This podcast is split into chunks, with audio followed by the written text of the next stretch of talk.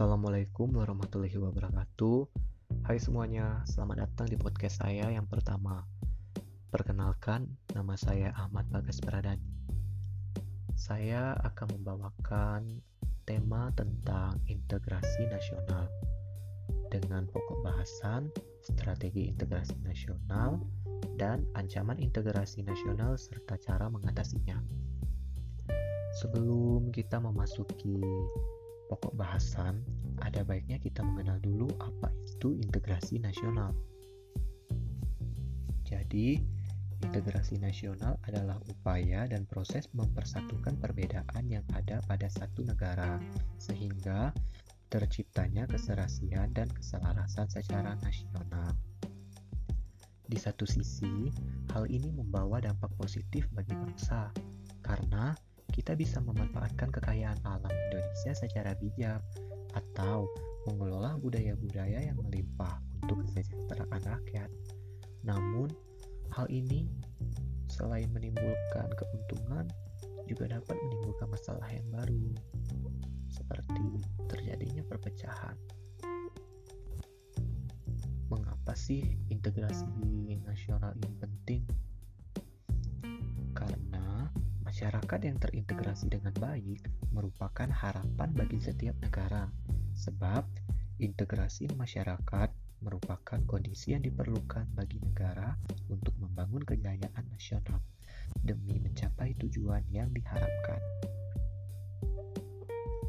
Ketika masyarakat suatu negara senantiasa diwarnai oleh pertentangan atau konflik, dengan kondisi masyarakat Indonesia yang diwarnai oleh berbagai keanekaragaman, harus kita sadari bahwa masyarakat Indonesia menyimpan potensi konflik yang cukup besar, baik konflik yang bersifat vertikal maupun bersifat horizontal.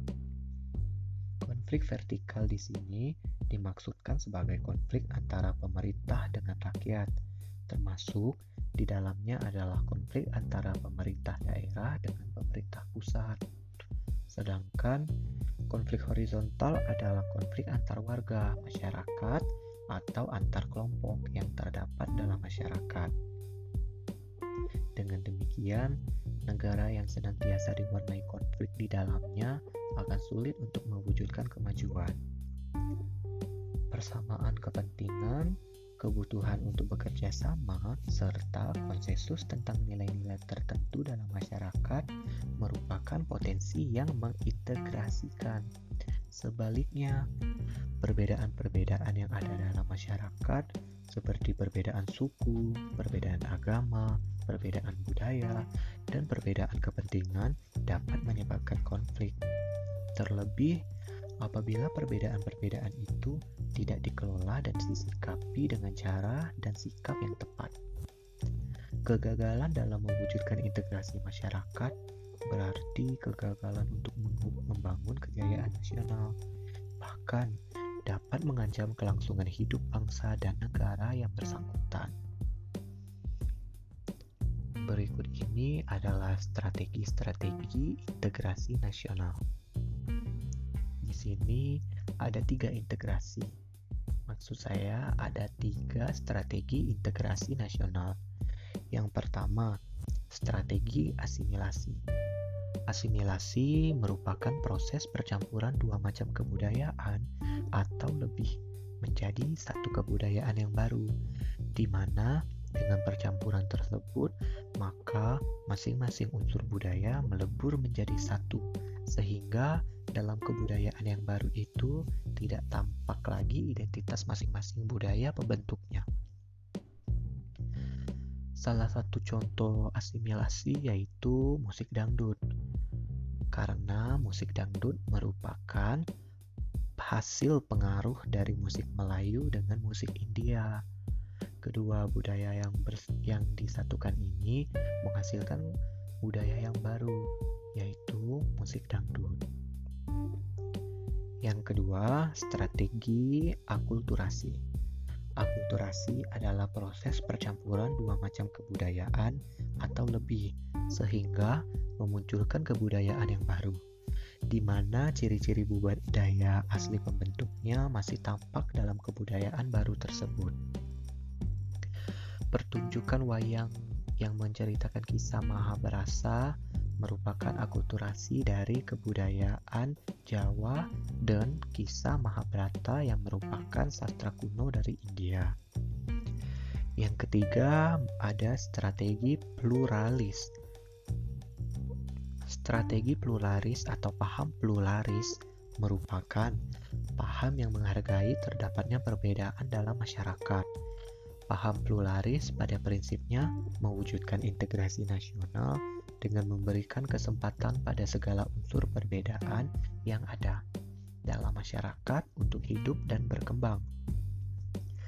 Hal ini berarti bahwa dengan strategi pluralis, dengan dalam mewujudkan integrasi nasional, negara memberikan kesempatan kepada semua unsur keageragaman dalam negara baik suku, agama, budaya daerah, dan perbedaan-perbedaan lain untuk tumbuh dan berkembang serta hidup berdampingan secara damai.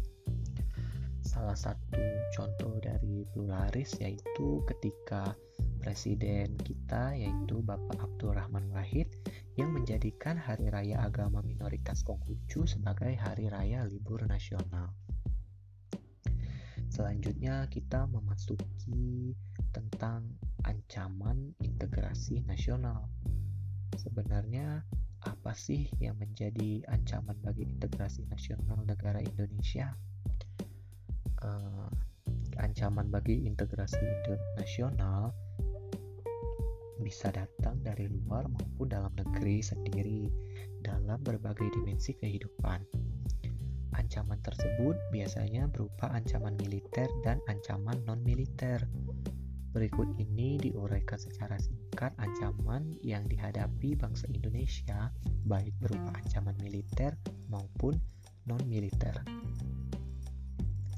Yang pertama yaitu ancaman militer. Ancaman militer adalah ancaman yang menggunakan kekuatan bersenjata yang terorganisasi, yang dinilai mempunyai kemampuan yang membahayakan kedaulatan negara, keutuhan wilayah negara, dan keselamatan segenap bangsa. Ancaman militer dapat berbentuk agresi, pelanggaran wilayah, siponase, sabotase, aksi teror bersenjata, pemberontakan, dan perang saudara. Ancaman militer ini dibagi menjadi dua, yaitu ancaman militer dalam negeri, contohnya disintegrasi bangsa, melalui berbagai macam gerakan separatis berdasarkan sebuah sentimen kesukuan atau pemberontakan akibat ketidakpuasan daerah terhadap kebijakan pemerintah pusat. Yang kedua, keresahan sosial akibat ketimpangan kebijakan ekonomi dan pelanggaran hak asasi manusia yang pada gilirannya dapat mengakibatkan suatu kerusuhan. Lalu ada juga ancaman militer luar negeri, yaitu saat contohnya pelanggaran batas negara yang dilakukan oleh negara lain, pemberontak, pemberontakan senjata yang dilakukan oleh negara lain, dan aksi teror yang dilakukan oleh terorisme internasional. Untuk ancaman non-militer, yaitu ancaman yang berbentuk ancaman terhadap ideologi, politik, ekonomi, sosial budaya, pertahanan, dan keamanan. Uh, selanjutnya yaitu cara-cara mengatasi ancaman integrasi nasional. Dalam bidang pertahanan dan keamanan, upaya mengatasi ancaman di bidang pertahanan keamanan tidak hanya menjadi tanggung jawab aparat keamanan, tetapi merupakan tanggung jawab seluruh warga negara Indonesia yang tertuang pada pasal 30 ayat 1 sampai 5 Undang-Undang Dasar Negara Republik Indonesia tahun 1945. Dalam bidang ideologi dan politik, upaya mengatasi ancaman di bidang ideologi dan politik dapat dilakukan dengan cara penguatan ideologi Pancasila. Pancasila merupakan falsafah hidup negara Indonesia, sehingga penguatan Pancasila wajib dilakukan. Dalam bidang ekonomi, ancaman utama di bidang ekonomi adalah globalisasi ekonomi. cara mengatasi globalisasi ekonomi yaitu dengan cara menerapkan sistem ekonomi kerakyatan. Dalam bidang sosial budaya, ancaman di bidang sosial budaya ini dapat kita atasi dengan beberapa cara, yaitu penguasaan ilmu pengetahuan dan teknologi yang diimbangi dengan penguatan iman dan takwa penguatan tentang budaya dan wawasan Nusantara melalui pendidikan formal, meningkatkan rasa nasionalisme dan menguatkan konsep Bhinneka Tunggal Ika, dan melakukan penyaringan budaya dengan menggunakan nilai-nilai yang terkandung dalam Pancasila. Uh, mungkin sampai batas ini saya memberikan pemahaman tentang integrasi nasional mungkin bisa ditunggu untuk materi selanjutnya. Saya mohon maaf jika dalam materi kali ini terdapat berbagai macam kesalahan yang saya buat. Semoga kalian dapat mendapatkan ilmu dari apa yang telah saya bagikan. Terima kasih. Wassalamualaikum warahmatullahi wabarakatuh.